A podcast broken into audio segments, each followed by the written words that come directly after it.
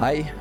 Hyggelig å se deg som er her. Og du som f.eks. sitter på en eh, strand på Gran Canaria og ser på online. Eh, du er velkommen, og vi følger med deg i siste kategori. Eh, det jeg skal gjøre nå, er kanskje på en måte å gi en teologisk begrunnelse for det som vi akkurat hørte Kristoffer fortelle fra Marita-stiftelsen. Perioden som vi nå endelig begynner å kunne legge bak oss, har gitt oss alle vår dose karantene, isolasjon og avstand. Med gode begrunnelser, selvfølgelig. Men vi har også blitt vant til, har du merket det, å ikke håndhilse og klemme. Og små barn, som min yngste datter, de tror at det er sånn livet er. De husker ikke noe før det. Men eh, noen har jeg sett, de har jo likt akkurat det ganske godt, mens andre har savnet det. Uansett hvor du selv er på den skalaen der, så var vi jo alle allerede før pandemien en del av en ganske individualistisk kultur. Mye med norsk kultur verdsetter uavhengighet og selvstendighet, eller rett og slett det å slippe å dele sete med fremmede på bussen. Og det skal bli spennende nå å se om vi har blitt enda mer sånn av dette her. Men en av grunnene til å gå på gudstjeneste, som vi forresten nå bør minne hverandre på for tiden, det er at når vi deltar i kristne praksiser, når vi hører historier og ord fra Bibelen, så får vi et annet blikk på virkeligheten enn det vi ellers har rundt oss hele tiden. Oftest uten at vi da tenker på det engang. Noen ganger så er det sånn at Bibelen bekrefter den rådende tenkningen rundt oss, gjerne fordi denne tenkningen nettopp kommer fra Bibelen. F.eks. når vi som samfunn har brukt store ressurser på å beskytte de svakeste, så er det i dypt samsvar med Bibelens budskap om å ta oss av de minste. Andre ganger så vil det være en spenning mellom det som skjer og tenkes rundt oss, og de idealene som Bibelen løfter fram. En sånn spenning kan altså være denne individualismen i vår kultur, som for oss er helt selvsagt, men som krasjer ganske mye mot at Bibelen så tydelig sier at vi er skapt til å leve i fellesskap med hverandre. I dag begynner vi derfor en ny serie gudstjenester hvor vi skal se på noen av de mer enn 50 referansene i Det nye testamentet som løfter frem dette med hva vi gjør mot hverandre. Og det kan jo passe ganske bra, tenkte vi, at nå som vi skal begynne å nærme oss hverandre igjen, så ser vi på disse oppfordringene til å oppgløde, tilgi, tjene hverandre. Og så begynner vi i dag med den aller mest grunnleggende og vanskelige hverandreoppfordringen, nemlig elsk hverandre. Ja, jeg vet. Du har hørt det før. Å ja da, du er kanskje ikke spesielt interessert i bla, bla, noen store og vage ord om kjærlighet og godhet. Eller på den andre siden enda flere krav og få dårlig samvittighet, for det er nok med nyttårsforsettene og skjermbruk og tanter og orker ikke pastor, ikke mas. Og sånn er det jo mange som tenker. At kristen tro, det er primært regler man skal følge, være snill og grei, eventuelt trist og stusslig, og så kommer du til himmelen når du dør. Men kristen tro er i sin kjerne ikke regler. Det er den store fortellingen om Gud, om hvor langt Gud har gått for å vise sin kjærlighet til oss, og at vi gjennom å ta imot, tro på og leve ut ifra den fortellingen blir i stand til å leve de livene som vi er skapt til å leve. Altså, kristen tro begynner ikke i det vi gjør men i hvem Gud er. Og så får det forme livene våre. Så med det som et lite oppspill, la oss gå til Johannes evangelium, kapittel 13, ett av Bibelens mest legendariske kapitler. Og vi kan like godt la Johannes, som skriver, selv sette scenen for oss. Det var like før påskehøytiden, og Jesus visste at hans time var kommet da han skulle gå bort fra denne verden og til sin far. Påsken nærmet seg. Jesus visste at nå nærmet slutten seg. Han og vennene hans de hadde til denne kvelden hatt så mange gode dager. Det var så mange mennesker som hadde fått trøst, håp, blitt friske fra sykdommer, inkludert i fellesskap men nå, denne kvelden her, så, så kom det et nytt alvor over Jesus. For nå visste han at nå er tiden knapp. Men Johannes han måtte også legge til, sånn at det ikke skulle være noen tvil. Han hadde elsket sine egne som var i verden, og han elsket dem helt til det siste. Nå spiste de sammen, og så gjorde Jesus det som har gitt gjenlyd gjennom hele historien siden da, og som vi nå bare delvis kan forstå rekkevidden av. Han gjorde nemlig skandale. Jesus tok på seg en slaves forkle og rolle, og så begynte han å vaske føttene til disiplene. Vi snakker sandaler og sand og varme, og vi snakker om det fjortisene kaller klein stemning. Nesten alt er klein stemning fra en fjortis, faktisk. Men dette her, det var bare rart, Jesus. Du er ikke slave. Du er konge. Etterpå satte Jesus seg ved bordet, og så begynte han å undervise. Og han adresserte den kleine stemningen. Han sa, 'Når jeg, som er Herren og Mesteren, har vasket deres føtter, da skylder også dere å vaske.' Hva tenker du han skal si nå? Det logiske er han sier, 'Da skylder også dere å vaske mine føtter.' For sånn funker jo verden. Vi gjør gjentjenester, og det er helt fair. Og hvis det hadde vært det Jesus sa, da hadde det vært en ære. Altså, å vaske dine føtter, Jesus, det gjør vi gjerne. Selvsagt. Som han engletrommeslageren i julesangen 'Little Drummer Boy'. I played my best for him, pa rumpa pum pum. Den hadde du ikke sett bli sitert her nå.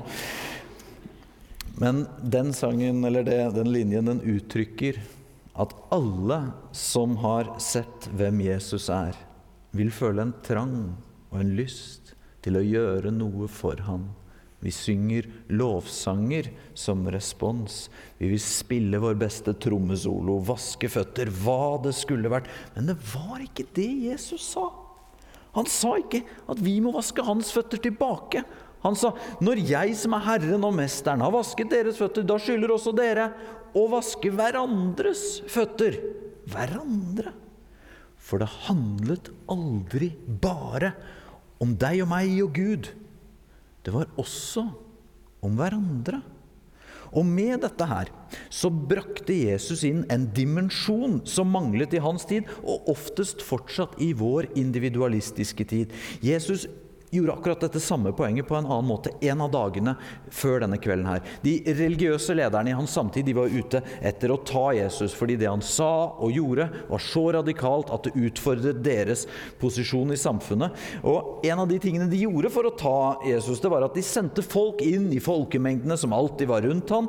Og så, da Jesus åpnet for spørsmål etter han hadde undervist, sånn Q&As, eh, da var de der for å sette han fast. Og det var i en sånn situasjon følgende skjedde. Nå hadde de, Denne gangen hadde de til og med sendt en advokat for å ta Jesus. Det står Og en av dem, en lovkyndig, spurte for å sette han på prøve, for det var det de drev med, 'Mester, hvilket bud er det største i loven?' Hvorfor spurte han om det? Vi kan jo lure på det, for vi er jo hedninger. Men alle som var der, de visste svaret på det. For alle på den tiden hadde gått på søndagsskole. Og alle hadde lært det teologiske standardsvaret som rabbien sa at du skulle kunne si stående på én fot. De kunne svare i munnen på Jesus da han sa, 'Du skal elske Herren din Gud av hele ditt hjerte og av hele din sjel og av all din forstand.' Dette er det største og første budet. Og alle nikket gjenkjennende, og advokaten som var sendt for å ta Jesus, han tok nå sats for å kaste ut sin retoriske felle mot Jesus, da Jesus til alles overraskelse fortsatte svaret. 'Men', sa Jesus. Og ingen skjønte noe, for standardsvaret var jo slutt der. Det viktigste var, som han hadde sagt, meg og Gud. I vårt moderne språk ville vi kanskje heller sagt ting som sånn indre ro og åndelighet, at vi lytter til hjertet vårt og sånn. Men Jesus hadde et men. Og det mennet, det koblet sammen for første gang to deler av den jødiske loven som ingen hadde satt sammen før han. Han sa, men det andre er like stort. Du skal elske din neste som deg selv. Og dette var så nytt. Tilbedelsen er ikke bare mellom deg og Gud. Vi skal ikke bare elske Gud. Det er like viktig at vi også elsker hverandre. Det har noe å si hvordan vi behandler kjæresten, kona, mannen vår. Hvordan vi behandler barn, foreldre, naboer, lærere. De som jobber på kundeservice. De vi snakker med og til i sosiale medier. Jesus innførte her den horisontale aksen i tillegg til den vertikale i vår utøvelse av vår tro.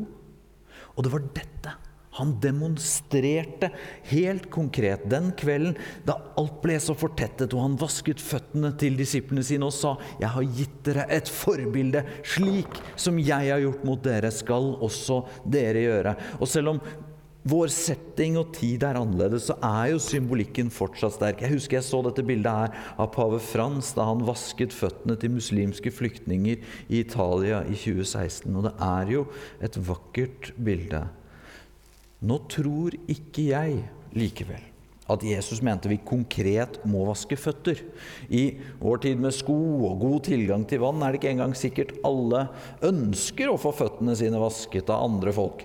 Men det er likevel ikke bare en metafor, og det er litt viktig. Hva er dagens fotvask? Er det å gi tiden vår, som vi holder så hardt på etter pandemien, til andre? eller en annen sak enn oss selv? Er det å gi oppmerksomhet til mennesker som ingen liker? Jesus har vist oss at menneskene med de helligste hjertene ofte har de skitneste hendene. Av alle tidspunkt, av alle tidspunkt han kunne valgt, så valgte én av Jesu nærmeste akkurat da for å svikte.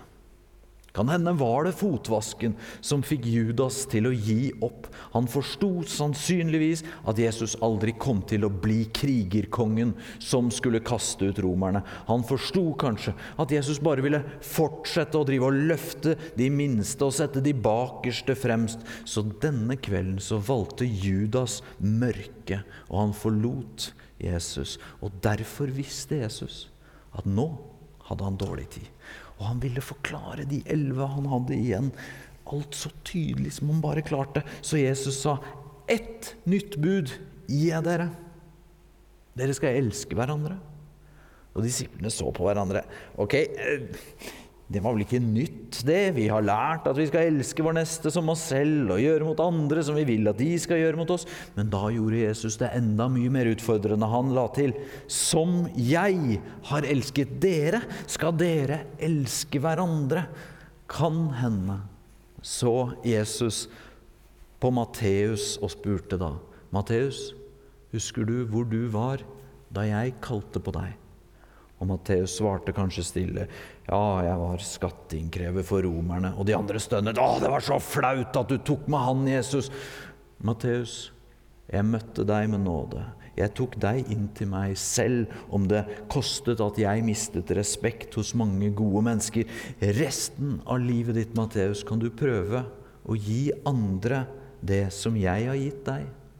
Dere har alle sett min kjærlighet til dere. Dere har sett at jeg har forsvart dere og gitt nye sjanser hele tiden.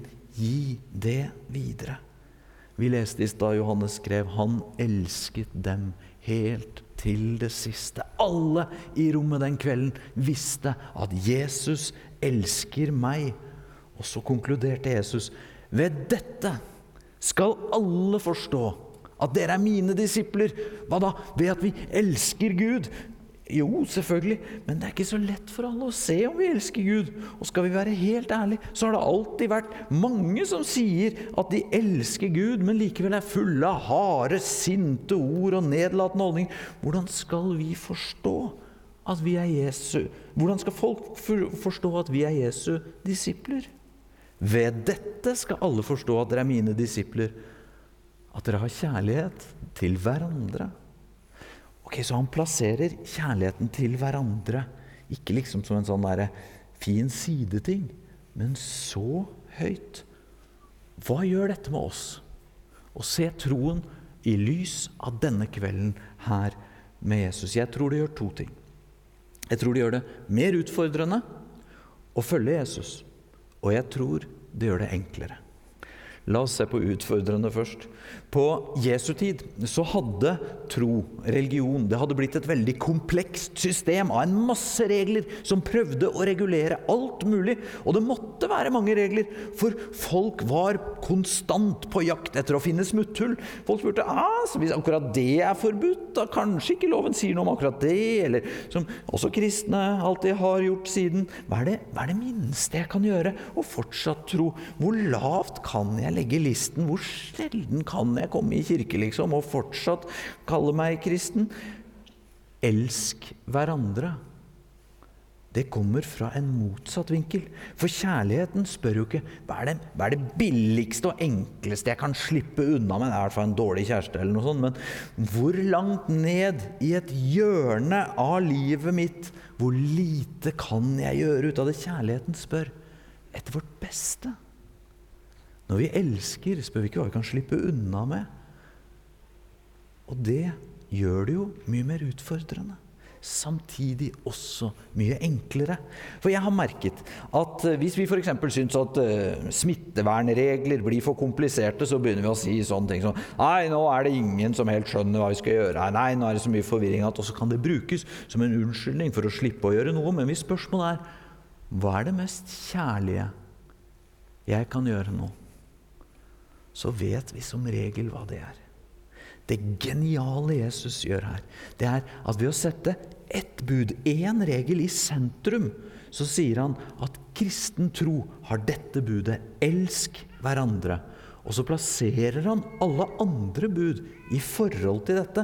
Det nye testamentet og Jesus selv har mange flere sånne imperativer, altså konkretiseringer av hva vi bør gjøre eller ikke gjøre. F.eks. ikke lyve eller gi av det vi eier. Og disse ugyldiggjøres jo ikke denne kvelden, men de settes i lys av dette ene budet. Og så blir de på en måte appliseringer, operasjonaliseringer av det å elske hverandre. Jeg gir ikke som vi gjorde i stad, av religiøs tvang eller svette eller fordi jeg må, men av kjærlighet. Og så er det så genialt, fordi dette altså både utfordrer og gjør det enklere. Vi kan ikke komme med en sånn smutthullslogikk på det budet her. For jakten på smutthull det handler om å forholde oss til lovens bokstav og krav. Men da prøver vi, og da prøver vi sånn automatisk å finne unnskyldninger for vår egoisme. Vi dras mot alltid og unnskylder våre egne feil og blåser opp andres. Det er ikke så farlig at jeg baksnakker og er gjerrig så lenge jeg ikke sliter med det som han sliter med. Jeg ser mine feil som flis, og så ser jeg andres feil som bjelker, for å bruke Jesu eget bilde. Men med dette nye budet så blir altså spørsmålet heller om jeg elsker jeg min neste hvis jeg snakker sånn om henne. Elsker jeg andre hvis jeg bruker alle pengene mine bare på meg selv?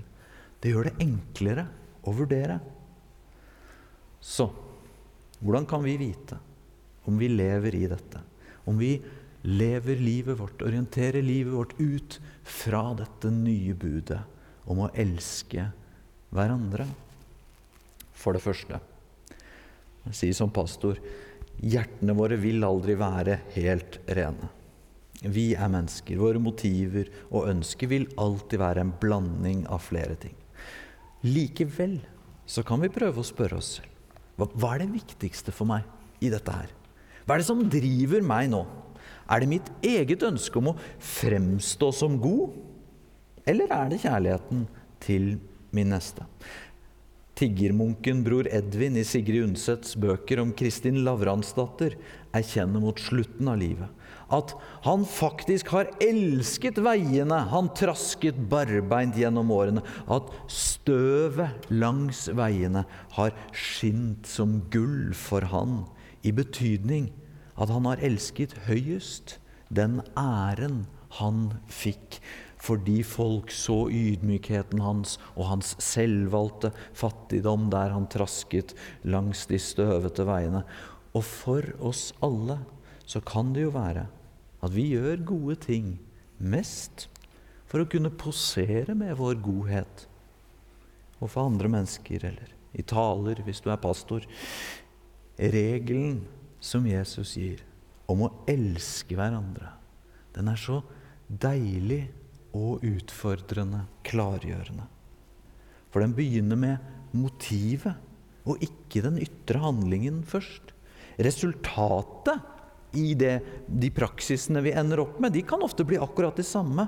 Vi kan ende opp med likevel å plukke opp søppel, ta telefoner som vi har gruet oss til, invitere litt bredere når vi inviterer, smile oftere. Men drivkraften, lukten av det vi gjør, det kan bli helt annerledes hvis det kommer i større grad fra kjærlighet til hverandre.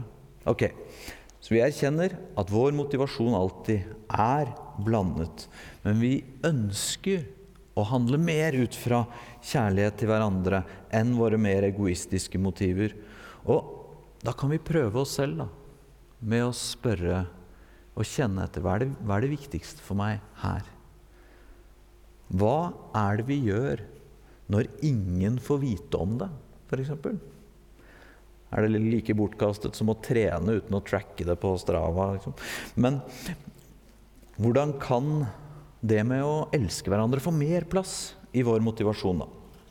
Paulus hadde virkelig grepet dette her som Jesus sier om det nye budet. Så han brukte det hele tiden når han veiledet de første kristne. F.eks. når han skrev til de kristne i byen Efesos. Så skrev Paulus.: Vær gode mot hverandre, vis medfølelse og tilgi hverandre. Ok, hvorfor skal vi gjøre det, Paulus? Hvor skal vi finne motivasjonen vi trenger for å gjøre det? Dette er jo vanskelig. Er det fordi det står i Bibelen? Er det fordi folk da vil synes vi er snille?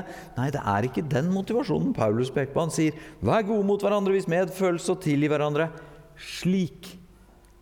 Slik folk har vist medfølelse mot deg? Nei, slik Gud har tilgitt dere i Kristus. Her ser vi den dynamikken som kan lære oss å elske hverandre. Når vi fokuserer på at vi selv er tilgitt av Gud, så blir det litt lettere å tilgi hverandre. Ikke enkelt, for all del, men litt lettere når vi tenker at vi selv har fått medfølelse fra Gud. Da blir det litt lettere å vise medfølelse mot hverandre. Og det er altså denne dynamikken her. Jesus sa jo 'Som jeg har elsket dere, skal dere elske hverandre'. Han sa ikke 'som andre har elsket dere', eller 'tilgi de som tilgir dere'. For det, her, det kan ikke være ankret i den dynamikken, hva vi opplever hos andre, hvis det ankres i hva Gud har gjort for oss. Et annet eksempel hos Paulus er når han sier 'lev i kjærlighet'. Hvordan tror du han mener vi skal motiveres til det? Lev i kjærlighet, for du har sannheten i deg, eller fordi du blir lykkelig da? Nei, vi har skjønt det nå, Paulus. Lev i kjærlighet slik Kristus elsket oss og ga seg selv som en offergave. Så, for å oppsummere Det å skulle elske hverandre, det er altså sentrum. Og det er Da tiden rant ut for Jesus, så var det dette han ville skulle stå igjen.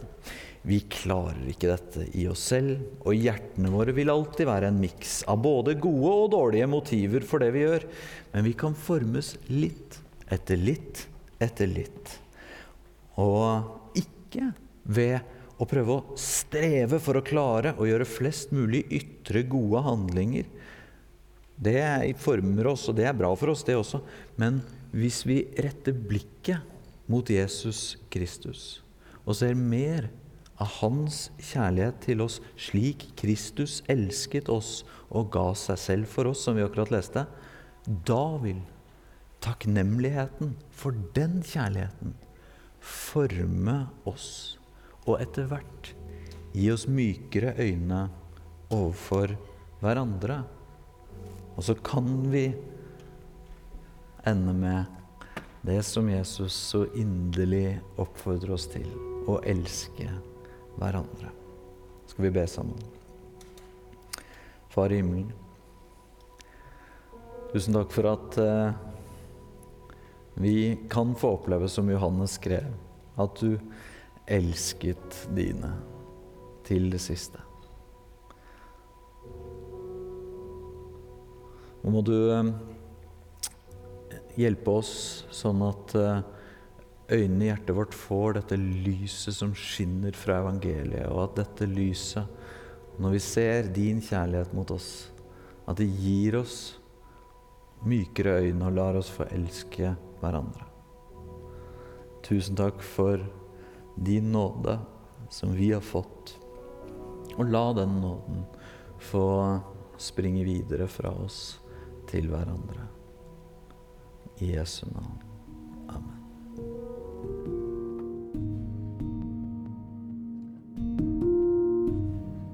Du har nå hørt en podkast fra Filadelfia-kirken i Oslo. Vil du vite mer om oss, gå inn på filadelfia.no. Og ikke minst velkommen til å feire gudstjenester med oss hver eneste søndag, enten fysisk eller online.